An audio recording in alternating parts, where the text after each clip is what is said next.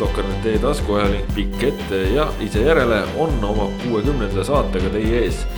esmalt äh, siis väike selgitus, äh, miks ei ilmunud saade esmaspäeval, vaid teeb seda täna teisipäeval.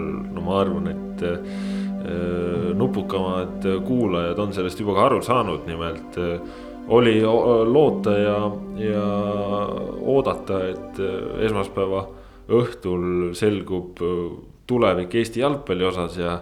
ja teataval määral ta tänaseks ka selge on, nii et seetõttu siis äh, nihutasime oma saate seekord siis teisipäeva peale. loodetavasti järgmistel kordadel oleme jälle tagasi tavapärasemas rütmis. Aga täna siis tõepoolest äh, peamiselt just Eesti jalgpallist räägimegi. räägime sellest, mida valitsus otsustas, mida on jalgpalliliit juba välja mõelnud ja kuidas kõik siit nüüd võiks edasi minema hakata, igatahes positiivseid uudiseid oleme saanud. ja täna siis saates veel natukene ka rahateemasid, raha ju ka alati kõikidele huvi pakub ja nii Euroopa kui maailma jalgpalliliidud on siis viimase nädala jooksul siin päris mitu suurt otsust teinud, peatume sellelgi. lisaks mõned rahvusvahelised teemad veel täna ja saate lõpus siis jätkame ka rubriigiga olid ajad, olid mehed. kuid äh, üks äh, selline viimase aja noh, meelelahutusrubriik äh, täna siis jääb ka ära. Seda sellisel põhjusel, et Ott Järvelat täna meiega siin ei ole, aga küll on meil Rasmus Voolaid. ja tere et Rasmust me täna laulma ega lugema ei pane ja jätame Oti. see oli eri, eritingimused mind siia saada üldse. jätame Oti sellised isiklikud rõõmud temale ja, ja kui ta meiega tagasi on, küll siis jätkame ka sellega, aga Kristjan Jaak Kangur on meil ka täna siin selleks, et eelkõige rääkida saate lõpus sellisest asjast, millised ajad olid ja millised olid mehed tervist kõigile. ja minu nimi Kaspar Elissaar, samuti siin teiega. no mehed, äh, eile tõesti ootasime terve päeva, millal see valitsuse otsus tuleb, tegelikult ootasime juba eelmisel nädalal oli vihjeid, et ta nädala lõpus tulla võiks, ei tulnud. Äh, nüüd eile südaööstul tuli ja, ja tuli tegelikult natukene segaselt. Nimelt äh, kui eelnevalt võis loota, et Eesti Vabariigi valitsus noh, koostöös siis kultuuriministeeriumiga otsustab äh, Eesti tippklubidele, premium-liiga klubidele anda õiguse treenimiseks, seda siis äh, ütleme nii, et rangelt kontrollitud keskkonnas ja väga selgeid parameetreid jälgides, siis äh, valitsus nüüd ikkagi otsustas, et jalgpallile esialgu siin mingisugust erandit ei tule, vaid teeme kõik spordi lahti ei ole midagi ja niisiis selle otsuse järgi alates laupäevast, teisest maist äh, tohivad kõik eestlased äh, vabas õhus kaks pluss kaks reeglit jälgides ja kuni kümnekesi siis ühes pundis treenida, harjutada. ja see tähendab ka seda, et kui noh, varem rääkisime spetsiifiliselt äh, sellest, milline on täpne see treeningutele naasmise plaan ja just tippklubide vormis, siis tegelikult nüüdne otsus tähendab seda, et kõik Eesti jalgpallurid tohivad laupäevast treenima hakata. Kristjan Jaak, kui üllatav see oli, et see otsus selliseks muutus ja, ja ütleme, et kogu see nii-öelda vabaõhus toimuv spordi tegemine sedavõrd vabaks siin järsku lasti noh, mind isiklikult isegi juba tegelikult üllatas natukene see, kui eriolukorda pikendati maikuu poole peale, mitte maikuu lõpuni. ma isiklikult ennustasin, et pannakse igaks juhuks pikem tähtaeg, sest noh, eriolukorra kehtimine ei välista ju seda, et saad juba meetmeid leevendada selle aja jooksul. ja seda üllatavam tegelikult oli see, et nüüd siis nagu mõne päevaga on, on jõutud ikkagi juba suhteliselt selleni, noh, veel tänanegi päev siin enne saate salvestama hakkamist uudiseid vaadates on juba toonud siin üleskutseid, et noh, saate saartele ja, ja, ja kuidagi vist mingi pahameel on, rahva pahameel on niimoodi pööranud seda arvamust, et, et, et nüüd, nüüd on nagu jälle kole kiire hakanud kuskile kohati tundub. et see, see nagu ka jälle mõistlik ei tundu, aga, aga noh, hea küll. inimesed käivad juba õues istumas ju Saaremaal. nüüd on, nüüd on kiire. nüüd on kiire jah, oma, oma tooliga aga jah, selles mõttes üllatav, et, et noh, ma saan aru, et et ta tuli nagu isegi neile üllatusena, kes on olnud protsessidega rohkem nagu süvitsi kursis, et nagu oli ikkagi esimene eeldus, et algselt antakse see luba, et, et saab väljakul trenni teha ja, ja noh, igal pool mujal maailmas me ju näeme ka, on need sellised paari-kolme inimese grupid. et kui nüüd ikkagi lubatakse nagu kümnelist gruppi, noh, see muidugi vajab veel nüüd täiesti nagu siin täpsustamist, aga aga noh, teoorias, kui sa neid kahte kümnelist gruppi kokku ei lase, siis võib-olla siin osavamad mehed teevad juba suurema osa, osale klubist nagu korraga trenni ära, et on üks pool väljakut, on teine pool väljakut ja kui sa seal seda distantsi suudad hoida kuidagi, siis noh, äkki nagu kannataks, et see on muidugi see asi, mida me ootame veel, et, et äh, suure hurraaga Facebooki kaudu teisi, või esmaspäeva õhtul, vabandust, lasti see, lasti see info nagu avalikuks, et nüüd saab, aga et, et kuidas siis nagu ikkagi täpselt saab ja mida täpselt saab, seda, seda me nüüd hetkel veel ootame, võib-olla selleks ajaks, kui te teie meie saadet kuulate, on juba selge, sest et noh, tegelikult teisipäevase päeva jooksul nagu lubati täpsustada natukene no, jah, neid jah. asju, aga, aga noh äh, eks selles mõttes on ta ikkagi oluline samm edasi, et, et nüüd sa saad ikkagi juba no ja eriti just, äh, kui me räägime premium-liiga klubidest, sellisest treeningtööst, et nüüd sa saad seal ikkagi juba hakata nagu mehi korralikult juhendama ja ja, ja noh, kontakt loomulikult on, äh, on, on jätkuvalt keelatud, aga, aga noh, ikkagi ka selle kahemeetrise vahemaa juures arvan, et noh, palliga harjutusi ja asju saab, saab ikkagi teha juba nagu märksa rohkem, kui, kui sai individuaalselt. ja absoluutselt, Rasmus, kuidas sina sellele peale vaatad, et nüüd ütleme, oligi, et kui, kui eelmisel nädalal ma ise kirjutasin siis selle loo, kus, kus ma tõin need äh, esialgsed plaanid päris detailselt välja, kuidas on kogu see treenimise taastumine erinevates etappides, kuidas etappides on väga põhjalik äh, nii-öelda jälgimissüsteem a la koroonaviiruse teste tuleb teha, peab jälgima sadat erinevat reeglit, siis nüüd valitsus ütles selles mõttes lihtsalt, et äh, tuleb treeningvahendeid desinfitseerida ja, ja sellest enam-vähem ka piisab, et kas, kuidas sulle tundub, et kas see olukord praegu läks siis ütleme kogu Eesti jalgpalli jaoks väga palju lihtsamaks, et äh, reeglid, mida jälgida, tundub vähemalt esialgu, et on oluliselt vähem, kui neid oleks tulnud võib-olla nädala taguse seisuga. ja siin äh, mõlemad äh, süsteemid oleks olnud, on nii-öelda siis see, mida sa kirjeldasid ja see, mis nüüd reaalne on, mõlemad on nagu, mõlemal on omad väga suured plussid ja oma, omad väga suured miinused no sinu süsteemi, ehk siis see, mida sina kirjeldasid, mitte sinu loodud süsteemi eh, suur pluss on see, et kõik oli väga-väga range kontrolli all liidu, liidu käpa all. nüüd on jällegi nii, et kümned tuhanded eestlased eh, üle kogu Eesti teevad nii-öelda noh, oma suva järgi trenni, ütleme, et kui siin ma ei too mingit klubi näidet, aga ütleme, et no mingi madalama liiga klubi astub sellest jämedalt üle, toob kakskümmend kolm venda korraga väljakule, mängivad üksteist üheteistkümne vastu ja siis seal, seal klubi sees näiteks tuleb mingisugune suur äh, haigestumise laine, siis need, need mehed teevad seal, võivad teha oma, oma, oma keskel nagu suure karuteene kogu ülejäänud Eesti, isegi mitte jalgpallile, vaid üldse Eesti spordile, sest noh kõik, Magnus kirjutab nüüd ka teisipäeval, laupäeval minna oda viskama juba Kadrioru staadionile või mis iganes, et kõik, reaalselt kogu Eesti võib hakata laupäeval sporti tegema jah, see on äh, tõesti huvitav, et ütleme, huvitav nüüd ka oodata, et milliseks need jalgpalliliidu enda juhised kujunevad, sest noh. kui esialgu oli see premium-liiga klubidele suunatud asi see, kus oli ju tõesti väga rangelt nii hügieeni kui, kui ka ütleme sellist meditsiinilist poolt jälgiti.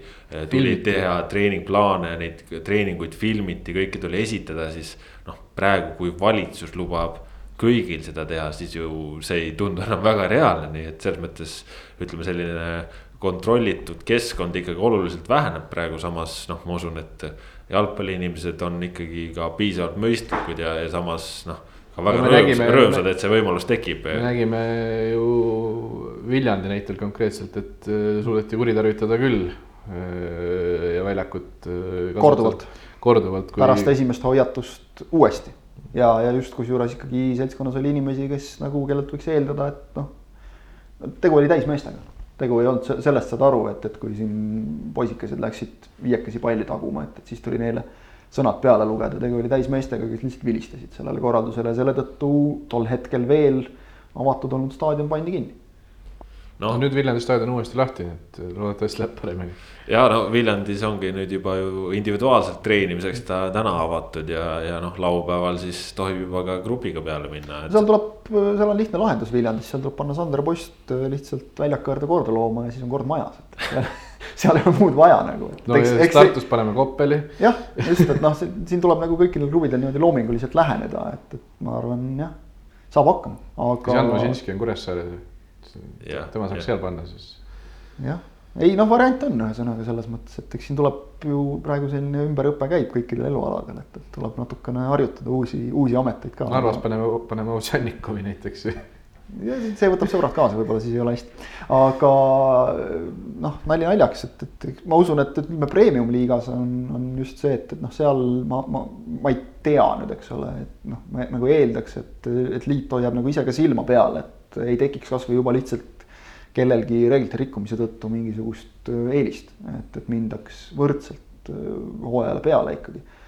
aga, aga vot jah, suur küsimärk on just see ja, ja noh, mitte ainult jalgpallis, vaid mujal ka, et, et, et kuidas sa neid nii-öelda noh, harrastajaid, kuidas sa neid kontrollid et seal, seal jääb ikkagi nagu väga tugevalt iga, igaühe enda südametunnistusele ja vastutusele, et, et eks noh tuleb sellele rõhuda nii palju kui võimalik ja, ja noh, ütleme igale, elu on selline, et igaühel ei saa nagu panna kaikaga meest kõrvale seisma, et tee nii, tee naa, no siin ongi see, et ütleme, et kui me varem rääkisime noh, võib-olla suurusjärgust kolmesajast inimesest, kes oleks Eestis jalgpalliellu tulnud tagasi, siis äh, praeguse otsusega tegelikult äh, tulevad jalgpalliellu tagasi kakskümmend tuhat ja natuke peale Eesti jalgpalliinimest. nii palju on meil ju suurusjärgu neid registreeritud mängijaid ja, ja ütleme tegelikult ongi ju, et asjad tohivad taastuda ja noh, see on võib-olla selles mõttes ongi nüüd natuke selline ohukoha moodi, sest no ütleme noh, näiteks äh, spordisaalid on ju suletud, korvpall, võrkpall, seal nemad ei saa sellises mahus tegema hakata, ehk siis äh, jalgpallist võib nüüd äh, noh, mõnes mõttes selline mingisugune märter saada või kes ongi, tuleb hooga peale ja et kas siis no, ei lähe asi hullemaks või, või läheb, on ju. vot jah, vahepeal mul isiklikult vahepeal mingil hetkel siin ütleme üks nädal tagasi või nii oli korraks selline tunne, et, et kas, kas nagu äkki jalgpall ei lähe liiga suure hurraaga. et äh, noh, jalgpallil on praegu hea võimalus olla selline teerajaja arvestades seda, et, et seal noh, on, on tugev alaliit, on, on, on lihtsalt ka see, et, et sinu mainitud korvpalli, võrkpalli hooajad on läbi et ja, ja samas tegelikult tekitab see olukorra, kus jalgpallil nagu ei ole vaja tormata, sest nad on suuresti esimesed niikuinii. ja, ja korraks nagu jäi mulje, et, et noh, ütleme see teerajaja roll on nagu väga väärt roll alati tavaolukorras, aga praegu korraks mulle tundus, et äkki on kaotada oluliselt rohkem kui võita. no praegu, nüüd on ju see, et ütleme, et tõesti, et kui sa seda Äh, jalgpalliliit ütleme ka, et on ju nii palju suur, et seda kolmesadat inimest oleks suutnud kontrollida, aga kakskümmend tuhandet ei suuda jalgpalli mitte ühe hinnaga kontrollida. no ja ei peagi selles mõttes, et just. ongi nagu täiesti ebareaalne eeldada, et, et sellist üle-eestilist asja nüüd üks, üks alaliit või mis iganes organisatsioon hakkab üksinda kontrollima, eks ole. see on täiesti mõttetu ressursi raiskamine.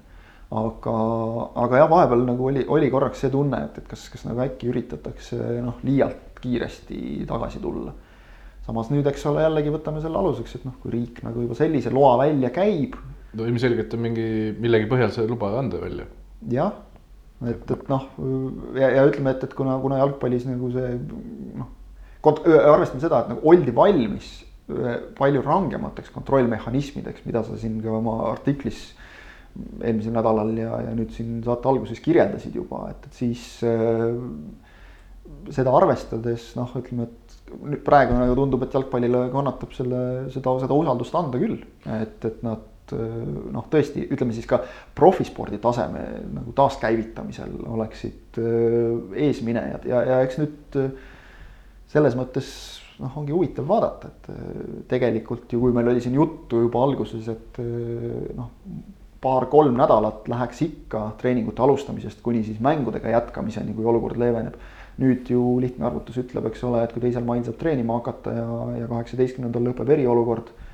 et siis äh, sinna umbes kaks pool nädalat jääbki, et, et noh, siis ja, nagu selle loogika järgi juba võiks saada isegi hakata mängima, aga suur konks on muidugi selles, et äh, millal lubatakse täistreeningud ehk kontaktsed treeningud. et kui nende luba nüüd noh, enne seda ei tule, siis ka ilmselgelt ei hakka keegi üheksateistkümnendal äh, mail jalgpalli tipptasemel mängima veel ja no selles mõttes siin ikkagi tegelikult. palju lahtist, ütleme selle kohta. palju lahtist, aga tegelikult see, see suur otsus on ka nagu selles mõttes ikkagi väga hea, et. et tegelikult nüüd ka kõik noored, kes seni on olnud, ütleme et tuppa aheldatud. saavad õue, saavad mängima, saavad jalgpalli juurde, see jalgpalli sotsiaalne pool, noh, ma olen ise sellest ka kirjutanud, on lihtsalt sedavõrd oluline, nii et selles mõttes. ühiskonnal tegelikult tervikuna on, on siit ka praegu tegelikult päris palju võita. ja, ja noh, ütleme terves kehas terve vaim on ju, et. no paljud on ju öelnud, et ega see paus ei hakanud mitte füüsilisele taks ajudele ennekõike. see nüüd leevendab absoluutselt ja no ütleme, et ohukohad on, aga kui, kui need ei rakendu, siis on see noh siit sellest valikust, mis nüüd tehti, langetati, on väga palju rohkem võita kui ainult sellest, et eh, Premiumi liiga mängijad tagasi oleks saanud tulla. seda kindlasti ja, ja ütleme noh, alati tuleb nagu see aspekt ka mängu, et eh, toon siin korraks sisse selle, et kui vahel vaatad mingeid arvamusi, et et me ju räägime praegu jätkuvalt ilma publikuta mängudest et, et see tuleb heal juhul. no tegelikult me mängudest veel ei räägigi. no me veel ei räägi jah, tegelikult me räägime praegu trennidest alles et, et sealt nagu jõuda tühjade tribüünide ees mängimiseni ja siis kuskil suve lõpus veel noh, publikuga mängimiseni, sinna on ikka päris pikk maa minna ja. ja, ja me läheme ju praegu mitte isegi nädalate, vaid noh, tegelikult suuresti päevade kaupa, et, et noh, puh-puh-puh. et midagi kolm korda üle vasaku õla, et midagi nagu ei juhtu, aga, aga kui juhtub, siis on kõik need teooriad, kõik need plaanid on täiesti jälle nagu käpuli aga minnes korraks selle publikuga mängimise juurde, et kui siin mõned juba umbes nurisevad, et, et noh, et, et ikka hakatakse nüüd mängima ilma publikut, et see pole ikka nagu mingi, mingi päris õige jalgpall, siis noh, esiteks kõlab see nagu jube egoistlikult. ja, ja, ja noh, teiseks on, on nagu seal, seal, seal on ikkagi see no ütleme, see egoismi aspekt on nagu jube tugevalt sealjuures, et, et noh, parem selline jalgpall kui, kui mitte midagi, eks. no absoluutselt, see on ülimalt totter väide ka minu arvates, et äh, kui selle alternatiiv on, et me ei mängi publikuta, on alternatiiv on see, et me ei mängi üldse, ehk siis me oleme samamoodi edasi, nagu me siiamaani oleme tulnud. jah, ja, ja et me ei mängi üldse, selleni just tahtsingi tegelikult jõuda, et kui me ei mängi üldse, siis see lõpeb, me oleme rääkinud küll, et Eestis on nagu väga hästi, aga mitte ainult Eestis, vaid isegi võib-olla suure jalgpalli kohta kehtib see rohkem, et umbes ah, mis siin ikka, tühistame need hooajad ära, hakkame mängima jälle sügisel. siis, kui saab nii-öelda õigesti, saab publikuga või uuest aastast, millal iganes. vabandust, aga siis ei ole pooli neid klubisid alles enam. siis meil ei ole, mida mängida nii-öelda. ehk et selle tõttu ka ja see kehtib tegelikult ka praegu täpselt nende praeguste meetmete kohta, et. kui nüüd nagu mõistlikult neist kinni ei peeta, ise ei saada aru, et ei ole veel jama läbi, vaid peab, peavad ise ka väga vastutustundlik olema siis lõpetame me jällegi nii, et, meil ei ole üldse jälle mitte midagi mängida, on jälle kõik väljakud kinni ja istume jälle ja keerutame pöidlaid terve suvi otsa no selles mõttes jah, et kui siin natukene nagu spekuleerida selles võtmes, et, et millal siis äh, jalgpall äh, võiks, võiks naasta, siis noh, nagu sai. sai siin juba kuulda ja oleme pikalt kuulnud, et tõesti, et et kui naasevad treeningud ja, ja seda lubatakse, siis mängudeni läheb kindlasti paar nädalat, võib-olla rohkem, on ju, sõltub riigis valitsevast olukorrast. aga, aga tegelikult ütleme, et noh Eesti puhul ütleme, kui juba maailmas näeme, et on ikkagi plaane mais hakata mängima, siis. no ma arvan, et ka Eesti jalgpallisõbrad võivad olla selles mõttes optimistlikud, et, et võib-olla tõesti juba enne suve mängudeks võib minna ja tegelikult kultuuriminister Tõnis Lukas ju ka siin ütleme, et juba eelmisel nädalal noh, selliseid vihjeid andis, et suve hakul ilma publikuta. noh, seal peab ikkagi olema kontrollitud keskkond, et ütleme, kui praegu treeningud algavad, siis mitte ainult jalgpalluritele, vaid kõikidele, kes vabas õhus on, on need siis kergejõustiklused mis iganes, on ju, et, et kui ütleme, kui praegu kogu Eestimaa hakkab liikuma. ja see ei ole väga hästi kontrollitud, siis kindlasti mängude jätkamine saab olema väga kontrollitud keskkonnas, samas.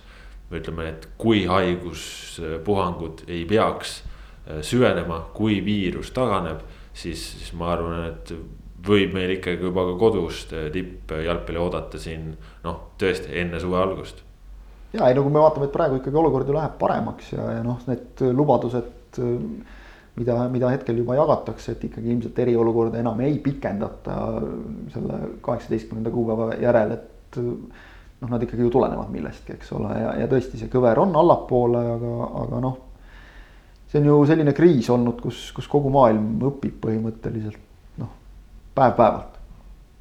nii et loodame parimat, ega muud ei olegi loodetavasti siis valitsus ka õpib kommunikatsiooni osas natukene. otsuste koha pealt, otsuste koha pealt nagu ei tahakski üldse norida, aga no kommunikatsioon on ikka kohati ikka allapoole igasugust arvestust paraku see on huvitav et teated tulevad ikkagi läbi isiklike Facebooki kontode noh, põhimõtteliselt. see, see valu tundub olevat nagu nii kange, et saaks olla see esimene, mitte nagu üldse nagu noh, valitsuse plaanis, et me ütleme välja, vaid saaks ikka ise nagu öelda, et, et ministrid siin ka teevad mingitel pressikonverentsidel suht selget soolot ja noh, üks tahab ühte, teine pooldab teist, et nagu ma ei tea, äkki lepite omavahel enne kokku ja siis tulete välja sellega, et et, et noh no, ega... nii mõnigi, nii mõnigi otsus on nagu olnud ka selline, et, et kas te nagu viis minutit tagasi leiutasite selle või, või, või nüüd noh, kui tulla välja asjadega, sama kehtib täpselt selle, selle praeguse spordi tegemise reeglite kohta ka, et, et me siin salvestame praegu, kell on neli ja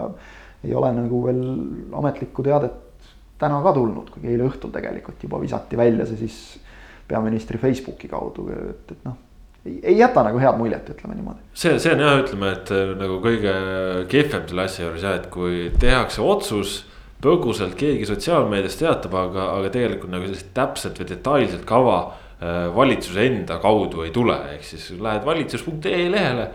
ja, sa ei tea, mida otsustati nagu, ehk siis see nagu, see on küll natuke müsteerium, et, et mingisuguses kohas võiksid need otsused ju detailselt olla, need otsused ei saa olla tehtud niimoodi umbmääraselt, et me ma... nüüd otsustasime, et kusjuures... kümnekesi võite treenida ja nii on, vaata, rohkem polegi vaja, et mis teil on vaja teada, ei ole vaja no.. kusjuures äh, ma olen täiesti kindel, et tegelikult noh, tõsine töö käib äh, ütleme tõesti no peaaegu kakskümmend neli seitse kulisside taga, et ega nendel inimestel, kes äh, asjade eest vastutavad, ei ole praegu üleliia pikad või, või, või jah, üleliia palju unetunde, ütleme siis. aga no. lihtsalt selle asja nagu jah, edastamine, see jätab soovida, et pigem oleks minu meelest mõistlik noh, nagu oodata isegi päev-kaks ja anda siis välja selline korralik, läbimõeldud, läbi kirjutatud äh, idee. kui, kui see, et, et visata midagi välja iga päev natukene niimoodi, siis lõpuks killustab ja, ja tekitab ainult segadust. no sa ei jõuagi ka ju asjadel äh, järge peal hoida, et pead kuidagi nagu meediast tükk tükki haaval kraapima, et äh, noh. ega saame näha, võib-olla, mine tea, võib-olla siin kultuuriministeerium või, või ka valitsus siin ühel hetkel ülitab sellise paberi, et me oleme tegelikult kõike sellest äh, teise mai treenima hakkamisest valesti aru saanud. Et... Äh, sest et äh, mingitest kohtadest juba käib nagu läbi, et, et kas see, et treener ei või ühtegi gruppi juhendada, mis, mis praegu hetkel veel kehtivas olukorras on igati mõistlik, et kas see nüüd kaob teise maiga või ikkagi äkki ei kao teise maiga, et, et isegi see noh, terve mõistus ütleb, et loomulikult ta kaob, aga, aga kuidagi on ta niimoodi õhku ripnema jäetud. ja kuidas eile siis äh,, eilne kommunikatsioon välja nägi, mina olin see inimene, kes meie, meie poolt selle üles pani, see juhtus niimoodi, et jõudsin kuskil kakskümmend üks, viiskümmend arvuti taha. tegelikult Jüri Ratas oli selle kuskil kaheksa-üheksa ajal juba selle, selles vahemikus üle Facebook üles pannud, sest hetkel, kui see jõudis Eesti meediasse, oli nagu seal Facebooki postituse juures oli näha, et üks tund tagasi ehk siis tund pluss, mitte, mitte vähem kui tund. Delfi sai vist kakskümmend üks, viiskümmend kuus selle ülesse. tegelikult kuskil poole üheksa ajal Jüri Ratas ilmselt kuskil selle sõnumi välja saatis juba. ja noh, valitsuse kodukal ei ole siiamaani, ülejäänud Eesti meedia pani seal kuskil ka kella kümne ajal.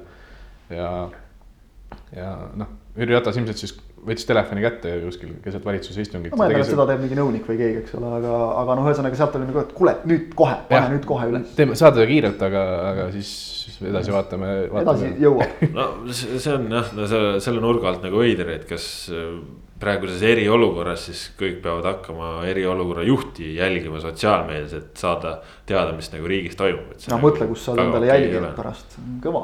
no ja, ja valimised ka ju liiga kaugel ei ole ja eks sellest on ikka aru saada ja, ja poliitikute nagu käitumismallidest ka, kuidas üritatakse plusspunkte võtta ja teenida, aga noh ma arvan, praegune olukord ei ole see, kust peaks nagu isiklikku kasu üritama lõigata. no kui, kui see korralikult valitsuse kriis ära juhtida, siis siit see, see kasu, mis ainult selle pealt tuleb, on ju palju suurem kui see, et et sa nüüd siin said selle ühe, ühe asja nagu enne valitsuse enda, enda teadet üles. aga see ongi see põhiprobleem, eks ole, et kuidas näha suurt pilti ja, ja nagu pikka plaani ma ei tea, lähme jalgpalli juurde tagasi äkki, muidu me räägime veel kaks tundi poliitikast. jah, aga noh, samas ütleme nii, et, et tegelikult ikkagi ootaks, et tuleb ka avalikult mingisugune detailne juhis kuidas, kuidas nagu tohib treenima hakata, sest noh, tõesti no, päev, päev saab mööda, aga nagu. kasvõi mingi selline asi, mille klubid saavad kõikidele lapsevanematele laiali saata ja nii edasi, eks ole.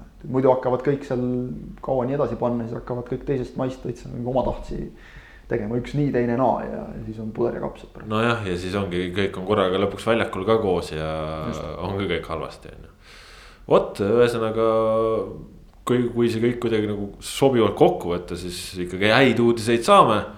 jalgpall naaseb ja selle üle oleme kõik rõõmsad, sellepärast et äh, kui jalgpall tuleb tagasi, on meil kõigil tuju parem ja ja saame uuesti liikuma ja, ja elu natukene tavapärasemasse rütmi, nii et äh, loodame tõesti, et äh, juba lähinädalatel on olukord oluliselt äh, sarnasem sellele, mis ta oli enne eriolukorra kehtestamist. ja lõppakordina, kui me seda uudist eile jagasime, siis vähemalt äh, Facebookis üks reaktsioon oli ka see pisar, nii et noh, keegi ilmselt tajub, et meespere on jälle pöördumatult jalgpallile kaotatud nüüd, aga võib-olla see oli õnnepisar see, see ei näe, see ei näe väga õnnelik ja motikune välja seal, et, et pigem, pigem see oli jah, ikkagi suur ja siiras kurbus, aga noh, mis seal ikka. no tegelikult see jah, kui nende inimeste peale ka mõelda, siis see on ikka karm küll, et kuu aega sai kodus niimoodi olla, et ei olegi telekast jalgpalli.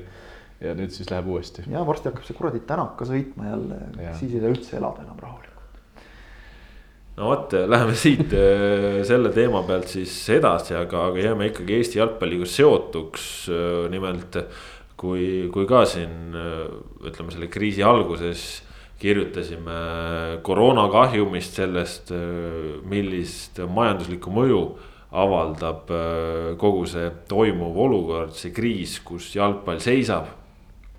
siis tegelikult nüüd on vaikselt ka UEFA ja FIFA ikkagi tulnud selliste noh, kas päris abipakettidega, aga abimeetmetega kindlasti ja FIFA tegelikult ja ka veel koostamas ühte abipaketti, ehk siis kui esialgu oli jutt päris selge, et, et midagi eraldi raha ei hakata välja jagama ja, ja ka mõnes mõttes pole jagatud, siis, siis FIFA poolt ikkagi võib veel tulla seda lisaraha ja tegelikult praegu on siis väga mitmeid otsuseid tehtud selles osas, et on makstud välja rahad äh, praegu, mis oleks pidanud muidu makstama hiljem, ehk siis äh, seda olukorda päästa ja noh, Kristjan Jaak, äh, sinul on vist päris hea ülevaade. kui palju Eesti jalgpall nii-öelda kinnitatud raha viimase nädala jooksul saanud on? palju, ehk jah, on tulnud UEFA-lt, on tulnud FIFA-lt. UEFA-lt oli vist nüüd neli koma kolm, kolm, eks ole, miljonit ja, ja pool miljonit FIFA-lt. Need on siis tõesti kõik nüüd need rahad, mis tegelikult ongi noh, nagu täiesti juba osad siin juuli lõpus pidi makstama ja ja osad selle aasta jooksul, mis, mis on noh, nii-öelda aastaeelarvesse sisse kirjutatud, et selles suhtes liit nagu mingit raha juurde ei saa.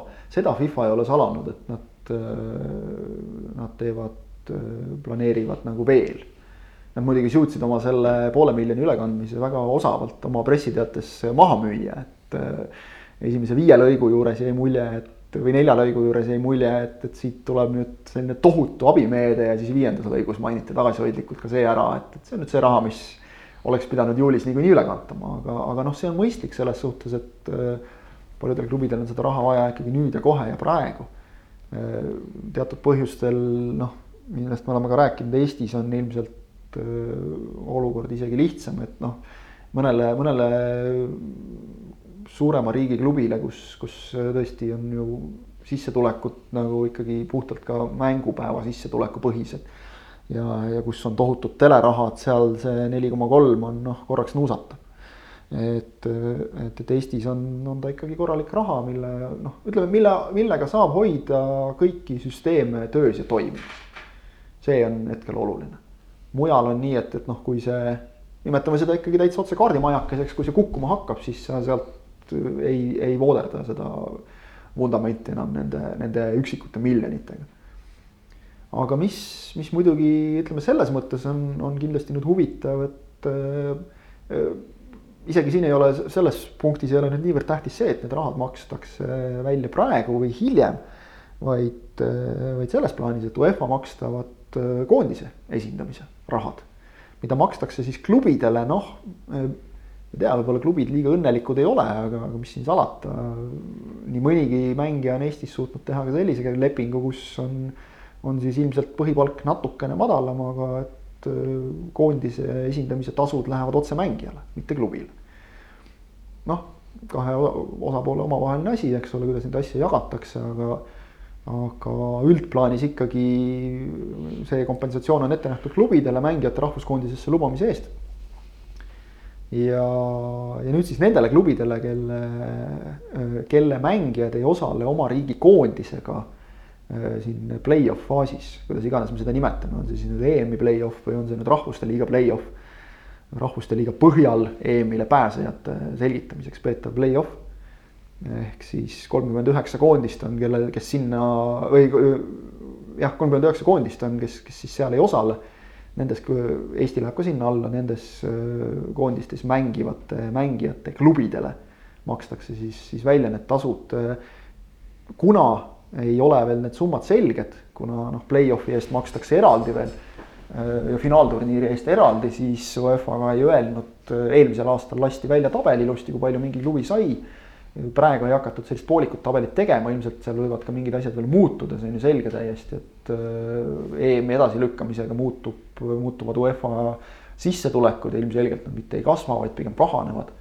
ehk et noh, ja seal võib ka mingit, võib mingeid kompromisse veel tulla, et, et äh, võib-olla mingitele rikkamatele alaliitudele ka ei maksta kohe, vaid, vaid ikkagi jälle hiljem, et noh, seetõttu ilmselt, aga siit saab kätte suurusjärgu umbes ja, ja Eesti klubisid vaadates on on selles mõttes huvitav, et, et kuna UEFA teates öeldi, et äh, praegune väljamakse puudutab äh, kuutesadat seitsekümmend kuute klubi, kes saavad summasid alates kolmesaja, kolme tuhande kahesajast eurost, siis äh, vaadates eelmiste aastate neid, neid summasid, mis jäid sinna üle ütleme kolme tuhande ja kolme poole tuhande vahele või sinna ka nelja tuhande alla, siis noh, võtame selle kolm tuhat kakssada nagu ühe mängija ühekordseks tasuks nii-öelda hüpoteetiliseks, et kui, kui arvutada, siis see kehtib nüüd siis äh, nii eelmise ehk kahe tuhande üheksateistkümnenda aasta EM-valikmängude kohta kui ka kahe tuhande kaheksateistkümnenda aasta sügise rahvuste liiga mängude kohta. ehk siis, äh, mis ta on siis, kuusteist mängu, kümme valikmängu ja kuus rahvuste liiga mängu. ja, ja huvitav veel taustaks on vaadata, et, äh, et enne kahe tuhande kuueteistkümnenda aasta EM-i, noh, tegelikult siis pärast kahe tuhande kuueteistkümnenda aasta EM-i välja makstud rahadest sealt sai kõige rohkem Levadia. kurat, su sissejuhatus on sul ikka nii detailne, et jõuad nüüd summadeni ka. jõuan summadeni ka, et siis sai kõige rohkem Levadia, nemad said natuke üle kahesaja tuhande. Nõmme Kalju sada kolmkümmend seitse tuhat ja, ja Flora napilt üle saja tuhande. sellised olid siis äh, need selle aja summad, Infonet sai veel ka paarkümmend tuhat ärme nüüd unustame seda ära, et me ei räägi siin ainult Eesti koondislastest, vaid me räägime ka, ütleme Narva Transi näitel Julius Kasparavitsusest, kes kutsuti äh, nüüd sügisel kolm korda Leedu koondisesse, A-koondisesse. Äh, ei loe absoluutselt see, et ta seal väljakul ei saanud, loeb koondise kutse, sest mängija läheb ju koondise laagrisse ja on, on hõivatud ja, ja noh. katab see ju mingil määral ka seda, kui seal laagris midagi juhtub, eks ole, natuke see rahaline kompensatsioon. aga, aga Eesti klubid kokku said natukene alla poole miljoni ja, ja näiteks huvitav, et, et Soome klubide kokkutulek viie klubi peale oli sada seitsekümmend viis tuhat umbes, sest Soome koondislased mängivad välisklubides.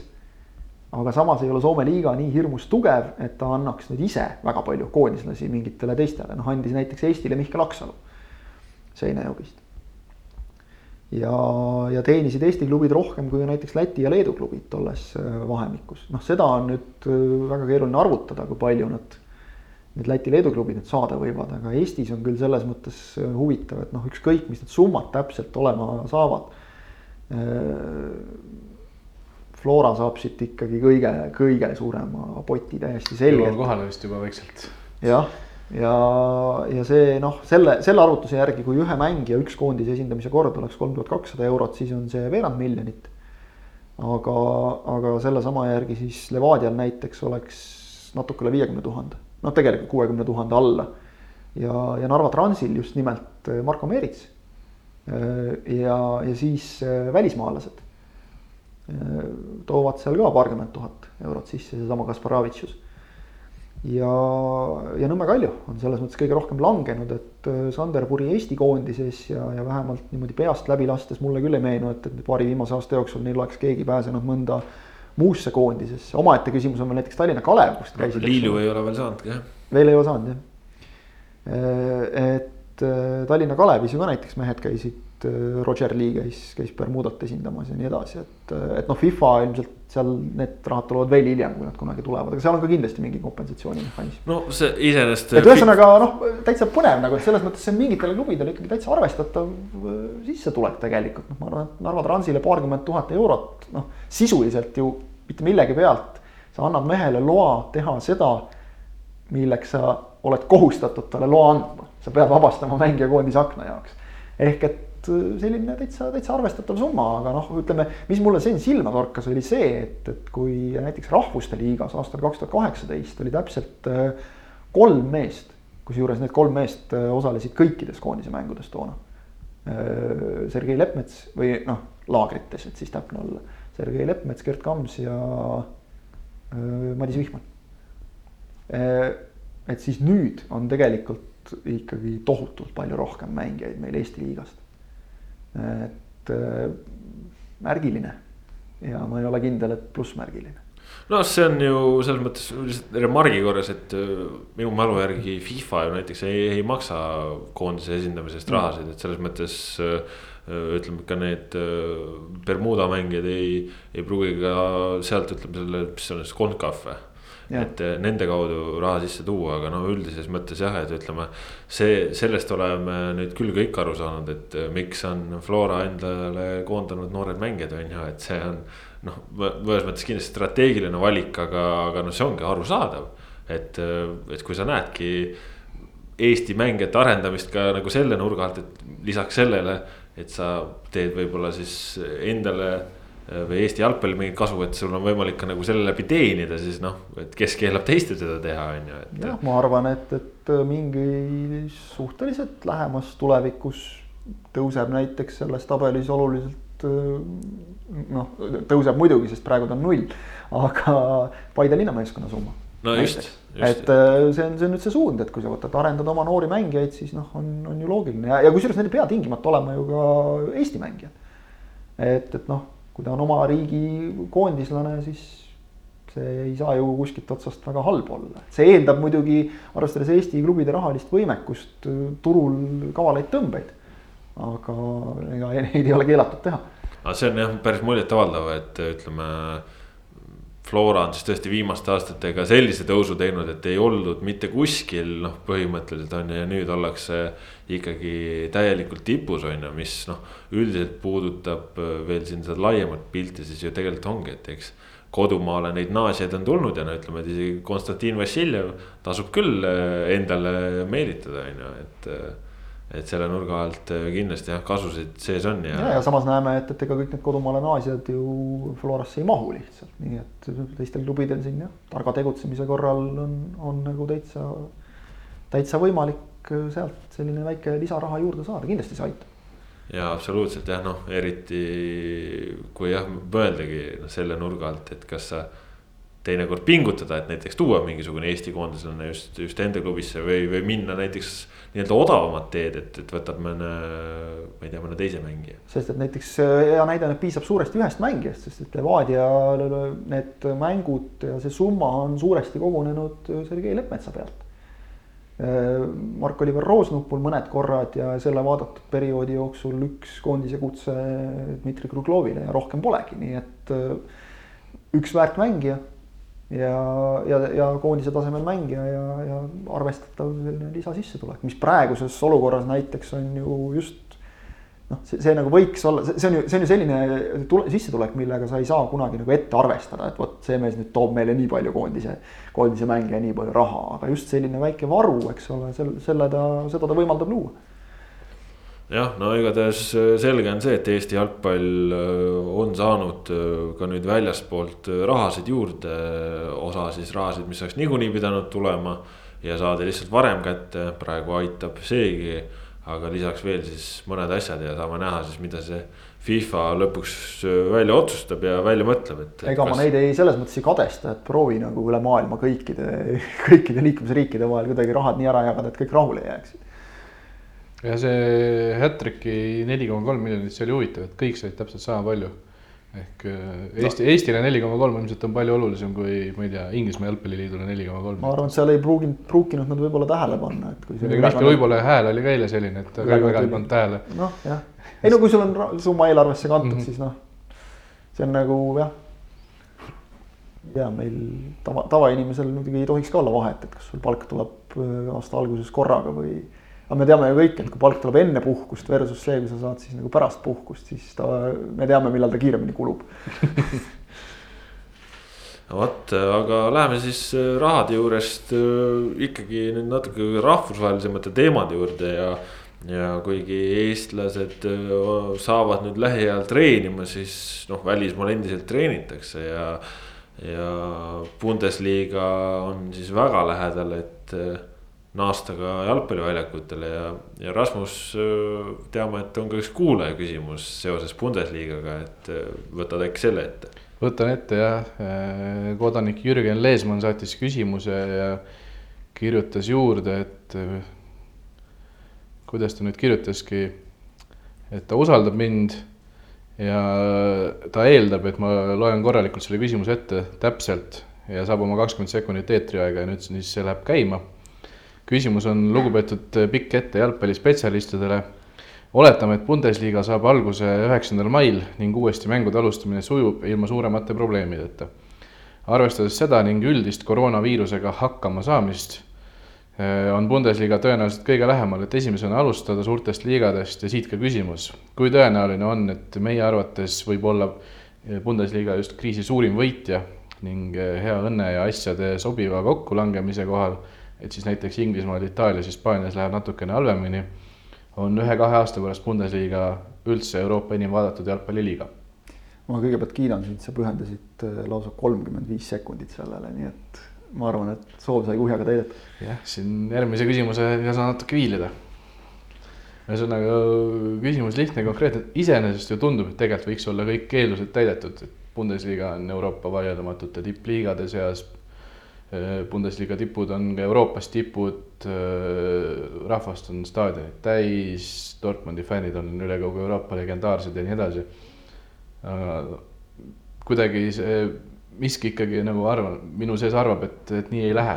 et esiteks juba see, et teised tipud tulevad mingil hetkel järgi, aga, aga ka see, et no lihtsalt kuidagi see keeleruum, kultuuriruum, kõik see Saksamaa jalgpalli ümber ei ole justkui nii glamuurne ja, ja, ja võimas, kui on Inglismaa ja Premier League'i ümber, kui me räägime noh, eelkõige, eelkõige Inglismaast, aga, aga asetaksin ka ikkagi Hispaania Saksamaast ette ka pärast koroonakriisi ja no, no ma ütleks sellele omalt poolt küll vastuseks ja, et nagu sel ajal, kui Saksamaa Bundesliga tuleb esimesena tagasi, siis muidugi populaarsus kasvab, aga aga et ta sellist äh, järjepidevalt suurt muutust korraldaks, seda on pigem ikkagi raske näha, sest noh, ütleme, et üldist äh, malli nagu nii lihtsalt ei muuda, et noh, kuigi tõsi, noh, võib-olla praegu Itaalia puhul oleme näinud, et piisas Cristiano Ronaldost ja, ja liiga populaarsus on tegelikult ju meeletult kasvanud. et, et vahel on ka sellised, sellised väga väikesed asjad ühest küljest, mis võivad kuidagi eh, liiga mainet muuta ja teda uuesti nii-öelda pilti tõsta, et tegelikult seeria on ju viimaste aastatega nagu tulnud üha enam eh, lähemale, muidugi eestlasele tänu ka Ragnar Klavanile on ju, aga ka üleüldiselt. jälgides suuremat pilti siis, aga no, jah, ma, ma ei, ma ei näe, et see oleks väga tõenäoline, et Bundesliga nii-öelda eh, noh tõuseks sellistesse kõrgustesse. siin on lihtsalt tõesti jah, kultuurilised pinnad on juba niivõrd palju erinevad. Ütleme ka, ka see keeleruum just nagu ka, ka sa ise Rasmus viitasid, inglise keelt räägitakse lihtsalt nii palju rohkem ja. ja mida mõistetakse paremini, see jõuab ka nagu paremini massideni ja, ja noh, ütleme, et Saksamaa miinus on ikka ja jälle Müncheni Bayern, et äh, kui sul on üks nii suur ja võimas, siis äh, kahtlemata see huvi on mingil määral väiksem, kui, kui ei teki seda duelli momenti, et keegi no,, keegi võib öelda. ma tahan sulle Bundesliga tabeli ette lugeda praegu no,. ei, ma just tahtsingi öelda, ühelt poolt, ühelt poolt nagu Bundesliga tabel, teiselt poolt see, et äh, tegelikult ju Saksa jalgpallikultuur, kui me nagu sellest räägime niimoodi, on nagu ülivõimas. ja, aga see on kõik, kohalik. just, et kõik nagu tingimused oleks justkui täidetud. aga samas no, olen teiega, olen teiega sama meelt, et ei juhtu noh ei juhtu, sest et äh,. üllatavalt ees on Bayern isegi praegu neli punkti vahet isegi. jah, praegu on isegi suur vahe, aga muide, vaatan praegu värsket uudist, et äh, noh, hakkab pudenema nii-öelda, et äh, peaks kohe esinema Prantsusmaa peaminister kõnega, kus ütleb, et. tee ta otsesalvestus siia, pane mikri vastu. jah, kõik saavad aru kindlasti ilusti, et, et kus ta ütleb, et enne augustikuud Prantsusmaal tipptasemel jalgpalli ei mängita. mis tähendab seda, et, et seal see kõrgliiga hooaeg oleks paugust läbi et kindlasti sakslastel on, on eelis, ütleme. see on ka, see on see, miks ta... nad nii kiiresti tahavad saada, ma arvan, et see on see koht, kus on teoreetiliselt võimalik räigelt võita. muidugi, aga, aga ütleme, paneme nad ikkagi suures plaanis nagu nii-öelda Valgevenega samale pulgale, et, et Valgevene sai ka hüppeliselt Valgevene sai ka hüppeliselt oma tähelepanu kätte. ja see oli selline korraks tähelepanu ja siis see hajus. Loomulikult äh, mastaabid on täiesti teised, aga ma arvan, et kui me nüüd võrdleme, ütleme noh Valgevene jalgpall versus siis mingisugune, ma ei tea, a la Holland või midagi sellist, eks ole, mida ka nagu vaadatakse ja jälgitakse natuke.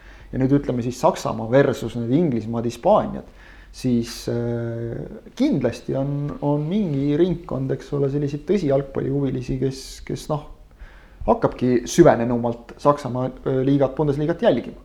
Aga kui me nüüd võtame globaalselt just selles plaanis, et, et kuhu on ulatunud kõik äh, Realid, Barcelonad Äh, Liverpoolid, äh, Man Cityt, kõik, kõik sellised klubid, eks ole. siis, siis sinna Saksamaa klubidel, noh, siis on selles mastaabis on, on Bayern, seesama neetud Bayern jälle, eks ole. siis tuleb nagu tükk tühja maad, noh siis tuleb Dortmund ja siis kuskilt kaugelt hakkavad need teised ka paistma, et, et noh, kõik ülejäänud klubidel on ju sisuliselt ülemaailmses plaanis, ma ütleks ikkagi noh selles, selles kontekstis nagu olematu tähelepanu, olematu huvi nende vastu. ehk et äh, seda ei kasvata niimoodi sõrmenipsust ja küll mingil hetkel isegi ütleme, kui noh, on venib veel ja nüüd siin teised liigad lõpevad, siis no hiljemalt äh, kuskil uue, kas siis sügisest või uuest aastast leitakse mingi viis, ma ei tea, kasvõi lüüakse kõik meeskonnad kuskile ühte keskusesse kokku, hakatakse seal mingeid mänge mängima, kohanetakse ümber ja, ja ikkagi see tõmbab lõpuks rohkem kui see Bundesliga. No kaks asja, mille peale ma veel mõtlesin, üks asi on see, et eh, kuidas üldse Bundesliga saab tõusta, see on noh, tõusta saab nii, et saab endale nii-öelda fänne ja vaatajaid juurde, aga fänn, jalgpallifännid ju ka ei unusta enda seda senist armastust ära, ütleme niimoodi, et noh.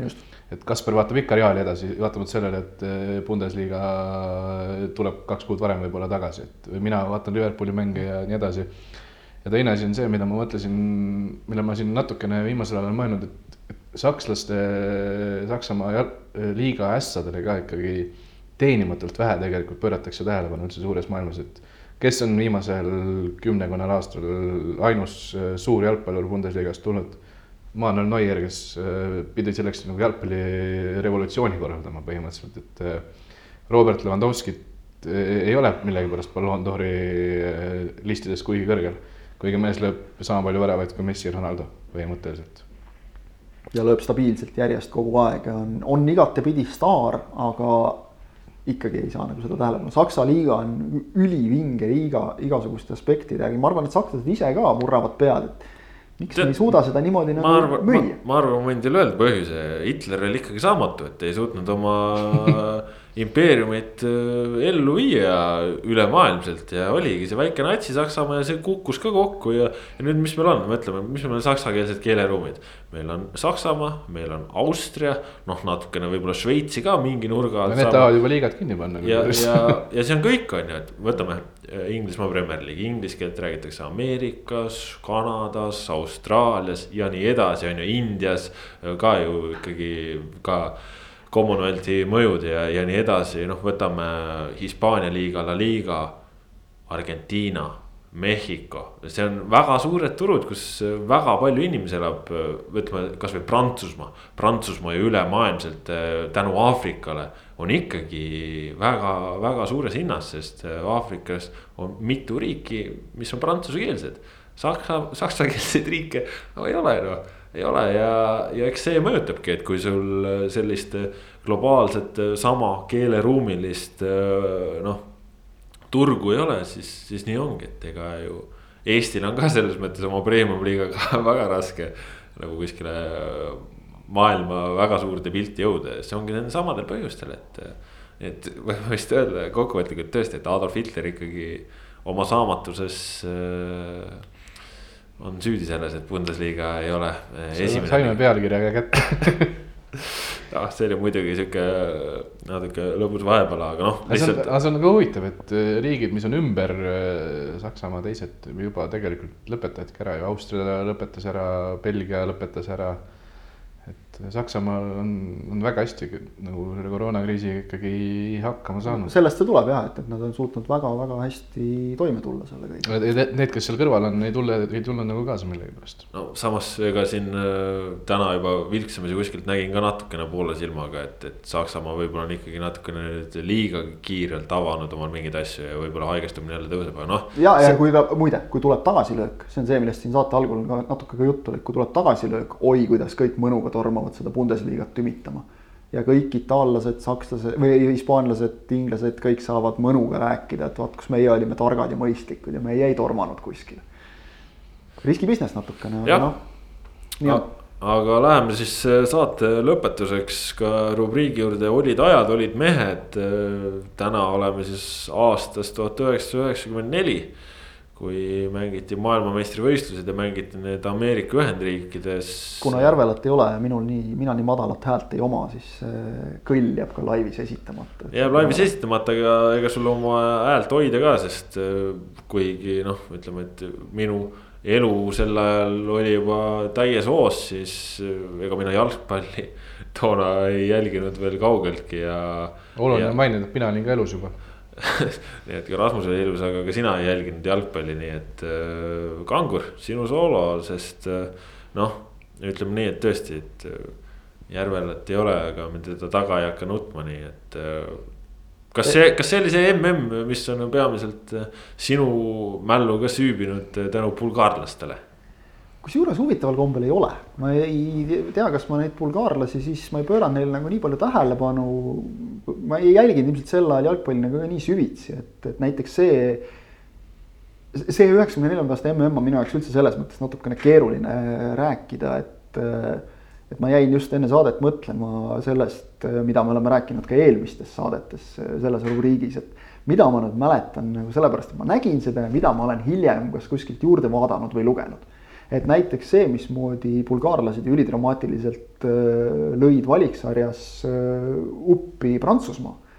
see oli minust tol hetkel täiesti mööda läinud või näiteks see, et äh, Kolumbia tuli ju sellele turniirile meeletu soosikuna, olles Argentiina ees oma alagrupi valiksarjas, Lõuna-Ameerika valiksarjas võitnud ja, ja lahkus igas mõttes tragöödiaga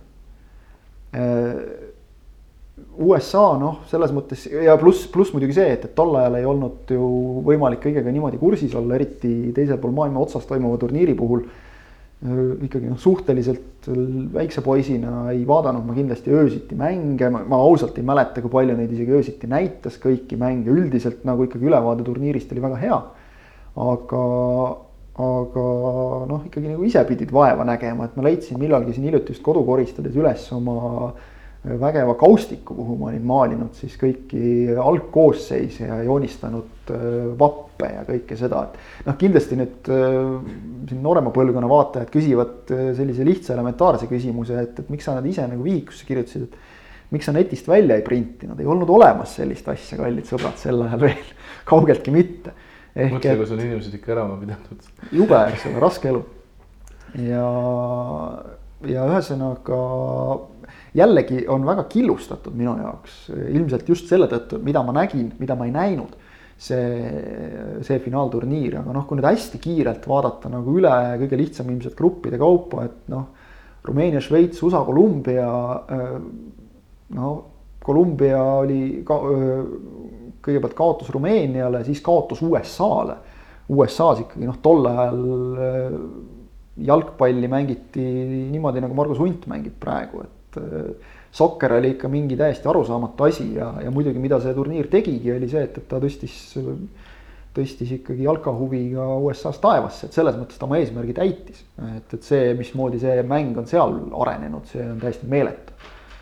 aga, aga tõesti, Kolumbia kaotas lõpuks ka, ka Šveitsile ja, ja nii nad sealt kolinal, kolinal koju sõitsid ei, vabandust, äh, jah, Šveitsi võitsid lõpuks, aga see enam ei maksnud midagi. aga nii nad sealt viimasena, grupis viimasena koju sõitsid, ehk äh, ei olnud neil mingit lootust, see oli siis veel turniir, kus äh, kuuest kolmanda koha meeskonnast neli läks ka edasi. mis tegi seal ka asja, asja keeruliseks, nüüd me jõuame B-grupi juurde, Brasiilia, Rootsi, Venemaa, Cameron, siin on nüüd eelis nendel, kes on meie saate püsikuulajad, sest nimed hakkavad korduma. Toomas Brolin ja Martin Dahlin Rootsist vedasid Rootsi sel turniiril väga kõrgele. ja, ja loomulikult Oti suur lemmik äh, Roger Milla, kes neljakümne kahe aastaselt seal veel väravaid tagus. Äh, oli, oli, ütleme selles grupis nagu väga selline värvikas koosseis ja, ja venelaste Oleg Salenko, kes lõi äh, viimases alagrupi mängus Cameronile kuus-üks võidumängus viis väravat aga väheks jäi, sest et eelmises kahes mängus oli kuivale jäädud ja ja, ja nulli ringi ja juba tuli koju sõita, nii et et, et see oli selles mõttes selline hästi värvikas grupp, aga siin oli äh, ikkagi noh, kaks selget edasiminejat Brasiilia ja Rootsi näol. siis äh, C-grupist võime täiesti rahulikult üle minna Saksamaa, Hispaania, Lõuna-Korea, Boliivia, nii nad seal lõpetasid ja, ja ausalt ma ütlen sellest mängust ei, ei ole mul, mul mälestusi, ju oli siis asi väga selge. ja siis äh, Nigeeria, Bulgaaria, Argentiina, Kreeka. mis oli noh, selline ettearvamatu grupp võrdlemisi ja, ja Argentiina lõpuks öö, äh, kuue punktiga küll, aga kolmanda kohaga, kuna nad kaotasid äh, viimases alagrupi mängus sellele samale Bulgaariale, keda sa juba mainisid noh, Bulgaaria üle ma mäletan, see on mul küll meeles, et, et ikkagi suhteliselt palju nagu nalja tehti, sest et noh, see oli veel see aeg, kus kõik sellised, noh, nad olid ikkagi idablokk, eks ole. ja, ja ameeriklased, kes enda arust olid nagu tohutult äh, kaugele arenenud riik ja, ja ühiskond. küll nad said neid mulleteid ja, ja, ja vuntse ja igasuguseid muid asju seal kõvasti naerda, et ega seal noh, mõned mehed olid tõesti sellised, et kui sa nagu pimedas kohtud, siis tahaks teisele poole tänavat minna aga mängisid. et noh, ikkagi jälle jõuame selle juurde tagasi, et soeng mängib no,. see on mullet, vana, see on vana tõde. see on vana tõde ja mullet, mullet mängis hästi ja, ja noh, samas grupis, kus oli veel Gabriel sa... Batistuta ka noh, siis seal oli ikka võimas soenguparaad. no mulleti kohta võid ju Marko Kristalilt küsida, et teame, kuidas tema ütleme, et Eesti koondise kullavaramusse ikkagi pääsenud on, et eks see suuresti tänu soengule oli, et no ta ikka oskas jalgpalli ka mängida päris hästi, aga no,, aga ütleme, see, see pani, see pani jah, tänu mulletile just tuli skill ka, eks. sa arvad, et kiilakas Marko Kristo oleks kunagi Eesti koondisesse jõudnud üldse? ilmselt mitte, teil on täiesti õigus. aga loomulikult see grupp jääb meelde, see grupp jääb meelde ka veel, veel selle noh, Maradona trikkide kaudu, et siis. oodake, oodake, oodake, oodake, oodake soengutest rääkimine praegu sihukestest raadiovormidest võib väga halvasti lõppeda ju siin hiljuti oli Eestis just skandaal, nii et tõsi, jah, nii et noh, jääme siis igaks juhuks meesterahvaste soengute juurde, et. just. jah, meid, meid keegi eetrist maha ei võta, me oleme. kui Järvela laula, laulab järgmises saates ka, siis, siis on meil jälle parem saade kui Kivisaarel, nii et. hea küll, Maradona juurde jäime jah, efedriin oli tal siis seekord üks nendest asjadest, millega maiustas ja, ja vahele ka jäi, nii et, et sealt tegelikult vist võib öelda, et algaski Maradona selline selge allakäik, et noh, kes, kes on näinud seda ma olin noor ja rikkumata poiss veel sel ajal, ei teadnud mina mingist dopingust eriti midagi, aga kui sa ikkagi nägid, kuidas Maradona jooksis nagu kaamera juurde tähistama ja silmad tahtsid pealuu seest välja tulla, siis noh, oli aru saada, et seal päris korras kõik ei ole ja ja need uudised seda pärast ka kinnitasid, et ei olnud kõik korras. Ja siis muidugi tuli selline vahva grupp, kus E-grupp, kus lõpetasid kõik meeskonnad täiesti samamoodi kolm mängu mängitud, kõigil võit, viik, kaotus, kõigil neli punkti, kõigil väravate vahe nullis. ilusti, aga Norra oli siis see õnnetu Mehhiko, Iirimaa ja Itaalia järel, kes, kes lõi ainult ühe värava, lasi endale ka lüüa ainult ühe, nad olid grupi parima kaitsega meeskond, aga sõitsid koju. sest nad suutsid ise ka ainult ühe värava lüüa. ja, ja muidugi selle grupi üks noh, võtmesõnu oli veel Mehhiko-Iirimaa mäng kus, kus mängiti siis nii, et seal oli Orlando staadionil sooja umbes nelikümmend üks kraadi vist. proovige mõelda korraks, mis tunne on mängida, niiskus oli ka selline mõnus, et, et noh, ei ole vist üllatav, et Mehhiko selle mängu võitis kaks-üks. ma ei kujuta ette, kuidas vaesed, vaesed iirlased selle mängu üldse üle elasid, aga elasid kuidagimoodi, et see oli nüüd see USA probleem, et seal läksid ikkagi temperatuurid täiesti noh, läbi lae ja, ja. siis vist ei tehtud veel joogipause ka. jah, siis ei hoolitsetud nagu mängijate eest nii palju ja, ja noh, need, need katlad. väga raskel ajal elasid. Need katlad olid ikka tõesti täiesti kohutavad katlad, et, et kole Holland, Saudi Araabia, Belgia, Maroko, sealt on mul täpselt ilmselt mitte meeles, vaid hiljem vaadatud äh, Saed Allova Irani võimas värav oma värava alt teise värava alla ja sisse ja, ja võidetigi tugevat Belgiat üks-null. ehk et noh, see on nüüd jälle see asi, et, et seda, seda kuskilt nagu vaatad hiljem, et, et ilus värav ta oli ja see, see on mul nagu meeles, et seda korrati, aga mängu ennast ma vist ei, ei, ei vaadanud toona ja, ja ausalt öeldes siis äh, noh, jällegi nagu hakkab, hakkab minema kuidagi sealt kaheksandikfinaalidest mingil põhjusel see, see pilt teinekord häguseks, võib-olla see tuleb sellest, et sa oled seda turniiri juba nii palju vahtinud, et, et kuidagi nagu nende hetkede eristamine, praegu näiteks me rääkisime eelmine kord vot sellest ka, et, et vaatad nagu, et jube kõva mäng. aga nüüd vaatad Saksamaa, Belgia kolm-kaks. esimese üheteist minutiga kolm väravat ja null mälupilti täiesti sellest. et et, et noh, kellele hoidsin pöialt, seda mäletan, kuna minu see masohhismi lemmik Inglismaa, jumal tänatud, sellel turniiril üldse ei saanudki ehk üks pettumus kohe vähem.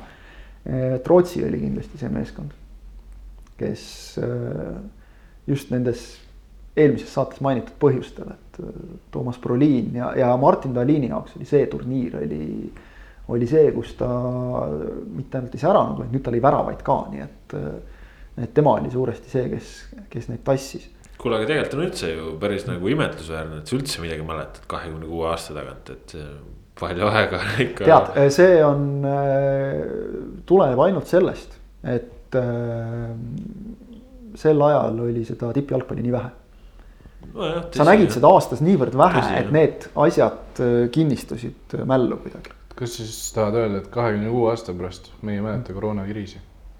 Ma arvan, et see. tähendab just seda mäletame, sest siin on ka jalgpalli vähe.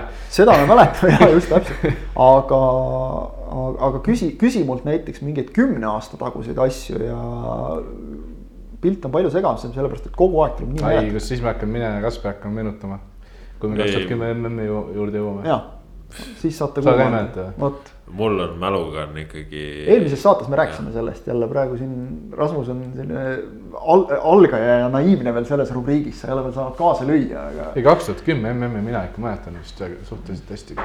et seda muidugi, seal, seal Jabalala, Jabalala tegi oma töö, et. õige võitja oli ka lõpuks ometi. seal on see ka, et, et kui, kui need on su. kes võitis?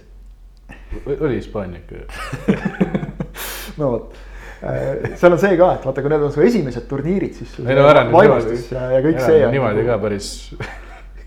nii nooreks tegin sind. ma ütlesin, ma olin üheksakümmend neli elus juba ju. aga ühesõnaga noh, siit vaadates veel Rumeenia, Argentiina kolm-kaks näiteks tohutu šokk ja ma ei mäleta sellest ausalt. ja, ja siit noh, tegelikult veerandfinaalidest selles mõttes lähebki nagu asi põnevaks, et siis Itaalia-Hispaania seal hakkas Roberto Baggio asju tegema ja, ja, ja kes, kes ka sellel turniiril just nimelt väravatega, mäletan, üllatas, oli Dino Baggio. kes ju tegelikult, kelle ampluaasse see nagu nii väga ei kuulunud, aga ta lõi just väga olulistes kohtades, nii et selles äh, veerandfinaalis äh, Dino, Dino ja Roberto Baggio väravatest läkski, läkski Itaalia edasi ja noh, siis äh, loomulikult ikkagi suhteliselt, suhteliselt legendaarne Holland-Brasiilia kohtumine. et et, et see, ma mäletan, seal, seal ma olin ikka väga pettunud, et Holland oli üks, üks mu teisi, teisi lemmikuid ja. ja, ja kui nüüd mälu ei peta, see vist oli see mäng, kust Bebeto, see kuulus äh, lapse kiigutamise väravatähistus pärineb. ja siis muidugi see suur šokk äh, Bulgaaria-Saksamaa. ehk et äh, vot kui, kui sa küsid, mida ma Bulgaariast mäletan, siis seda ma mäletan. et, et et äh, kuidas nad seal viimase viieteist minutiga noh, nagu kõik oli selge. Matthaus lõi penaltist ära teise poole alguses ja, ja noh, Saksamaa, Bulgaaria, et noh, okei okay,, poisid oli tore alagrupis, et äh, olite tublid, aga aga, aga nüüd on kõik teie jaoks ja, ja nad pöörasid viimase viieteist minutiga või tegelikult isegi seal kolme-nelja minutiga kahte väravat lüües pöörasid selle mängu täiesti ümber. ja jalgpalli maailmasõja omale Hristo Stoikovitši. jah, Stoitškov oli ikkagi noh, vot võib-olla just see üheksakümne neljanda aasta turniir ka, et Stoitškov, Hadži. see idablokk oli nagu vabaks saanud, siis oli ilmselt nendes mängijates ka mingisugune selline vabanemine. et äh, ega, ega ju tegelikult Rumeenial jäi ka väga vähe puudu, et, et poolfinaali jõuda, kui, kui rootslastele penaltitega alles, alles kaotati ja, ja Rootsi viigistas seal viis minutit enne, enne lisaaja lõppu ja nojah, olemegi poolfinaalideni jõudnud, et, et tegelikult Rootsi oli ju ülilähedal ikkagi ju sellele, et mängida MM-finaalis. kaheksakümnes minut Romario ja, ja sealt, sealt, sealt läks see lootus null-üks kaotusega ja, ja noh, Pacio kukutas üksinda, üksinda Bulgaaria. aga Rootsi pronksi sai kätte ja noh, finaalist on mul põhimõtteliselt seda ma mäletan täiesti selgelt, et ma vaatasin ja ometigi on sellest Brasiilia-Itaalia finaalist on mul meeles täpselt see, see, mis meil kõigil on meeles, mida me kõik oleme näinud, see. minul ei ole. see Pacio penalti.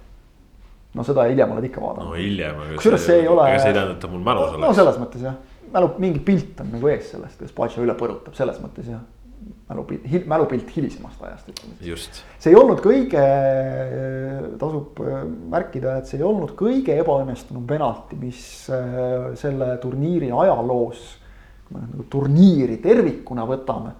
Äh, ega ka mitte Itaalia ajaloos. natuke sihuke mälumängu küsimus, ei no Itaalial on olnud igasuguseid tantsusamme paremale ja vasakule ja muid trikke tehtud, aga hiljem parem aga, aga kõige hullema penalti selle turniiri ajaloos lõi siiski äh, avamisel Diana Ross, kellel oli lihtne ülesanne, et löö pall väravasse, siis läheb värav pooleks. ja siis läheb show edasi, aga ta suutis selle palli äh, väravast mööda lüüa, mistõttu kogu see asi jättis suhteliselt debiilse mulje noh, siit saab iga see... jalgpalluriks pürgiv noor saab kõrva taha panna selle tõetera, et kontsakingadega ärge minge penaltit lööma aga, aga ta oli jah, selles mõttes selline kuidagi nagu lõbus turniir, et, et kui, kui vaadata neid tulemusi, siis jälle noh, nagu väravaid ei olnud, aga kogu see atmosfäär, ilmselt ameeriklased ise olid ka sellises noh, suhteliselt suures vaimustuses sellest, et. Et, et selline asi toodi meile, teevad siin, mängivad siin mingit vahvat asja.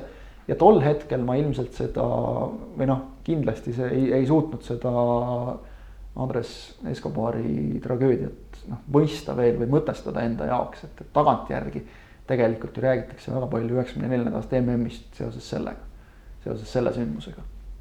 aga, aga tol hetkel. kirjeldad ka igaks juhuks. jah, kes, kes nüüd tõesti ei, ei ole kursis, siis Andres Escobar lõi USA vastu oma värava, täiesti juhusliku ja õnnetu oma värava, üritas palli libistada ja ja lüüa ära, lõi posti kõrvale oma väravasse ja, ja noh, suuresti selle mängu tõttu sinna kadusid need Kolumbia viimased võimalused edasi saada. Ja, ja kui kodumaale tagasi Kolumbia koondis jõudis, siis Escobar endiselt tänase päevani segastel asjaoludel äh, lasti maha ühe paari ees, kas see oli nüüd tüli, kas tõesti nagu igasugused legendid räägivad, äh, noh, kindlasti kaotasid mingisugused kartellid tohutut rahadest, nagu räägitud, siis Kolumbia oli soosik ja noh, eeldati, et alagrupist edasi nad lähevad kindlasti. mistõttu seal võisid tõesti mingid inimesed jääda väga suurtest summadest ilma ja, ja noh, Kolumbias sel ajal narkosõjad käisid täies hoos ja samas on ka öeldud, et see võis olla täiesti juhuslik olmetüli, midagi isiklikku, mine võta kinni, noh, seda tagantjärgi ilmselt enam ei selgitagi, otse loomulikult, kui ta nimi ei oleks olnud Escobar, siis ei oleks tehtud filmi, kaks Escobari, kui me rääkisime siin spordidokkide soovitustest. see on kindlasti leitav ESPN-i tehtud väga hea spordidokk. ja, ja, ja, ja noh, ma, ma olen üsna kindel, et kui ta nimi ei oleks, oleks olnud mingi, ma ei tea, Martines, Dominguez, mis iganes. kui see ei oleks olnud Escobar, siis see ei oleks nii palju tähelepanu pälvinud, aga jah, kahjuks sellise, sellise kurva looga on ta ajalukku läinud. ja läinud see turniir ka paljude jaoks, et, et tegelikult see, see turniir oli noh, ta, ta oli selles mõttes sellise omamoodi kiiksuga aga see, see, ütleme, et see Ameerikas mängimine ju tegelikult oli natukene võib-olla nagu tavalisest erinev ka staadionite mõttes, et väga suured ja. staadionid olid. ja noh. olidki sellised tohutud katlad just, et noh, Euroopas. seal okay. oli ju saja, saja tuhande piiri alla päris mitu, mitu staadionit ja noh, ütleme, ongi siis no, finaal Rose Bowl, eks ole, üheksakümmend neli tuhat sada üheksakümmend neli inimest, väga ilus number on kokku joonistatud ja noh, ongi need on ju siis staadionid, mida toona tegelikult esimeses järgus jalgpalli mängimiseks ei kasutatud, noh. no mängiti seda oma jalgpalli. teise jalgpalli jaoks jah. mängiti seda oma jalgpalli seal, et ega Rose Bowl on ju siiamaani tegelikult, ta on ju. mis tal seal Pasadeenas viga nagu, et, et ta on siiamaani katused. et, et see, see on nüüd see, mille me oleme, mis tol ajal tegelikult oli veel isegi Euroopas ka mingites riikides täitsa olemas, rääkimata Lõuna-Ameerikast, aga. aga nüüd on isegi seal juba, eks ole, katused Äh, enamikule peale veetud, et Lõuna-Ameerika jalgpall pakub meile veel seda, et selles on, selles on jälle mingi oma võlu, just nimelt see tohutu katel. kus, kus siis tõesti noh, siin on ka see konks, et seal tõesti ka elu keeb. aga, aga selles mõttes ameeriklased said nagu turniiri korraldamisega noh, ikkagi hakkama, et see, see täitis oma, oma eesmärki nende jaoks ja, ja noh, MLS-i tõus ja kõik need asjad, eks ole, see on, see on ju kõik sealt alguse saanud vot, aga tõmbame siit siis äh, tänaseks otsad kokku, kuuekümnes saade venis siin jälle pikale, aga vähemalt äh, selle võrra siis oleme siin sel nädalal targemaks saanud, et äh, jalgpall kuhugi kadunud ei ole ja oleme väga lootusrikkalt teda tagasi ootamas ja juba siis laupäeval. tõenäoliselt esimesed sellised legaalsed jalgpallitrennid aset saavad leida, igatahes loodetavasti oli siis äh, ka teil hea meel või, või sihuke põhjus oodata seda saadet, et ta just täna ilmus, sest äh, noh, tundus tõesti, et äh, saime saatesse natukene seda põnevamat juttu juurde liigade. noh, ütleme, et mitte just jätkamise, aga, aga vähemalt treeningute jätkamise toel. nii et ega meil vist muud siin saate lõppu soovida ei ole, olge terved, jälgige Vabariigi Valitsuse antud korraldusi, et äh, ikkagi kõik oleks hästi. ja et me ei satuks kuskile kimbatusse tagasi. mina olen Kaspar Elisser, minuga siin olid täna Rasmus Voolaid ja Kristjan Jaak Kangur. olge siis tublid ja terved, adjöö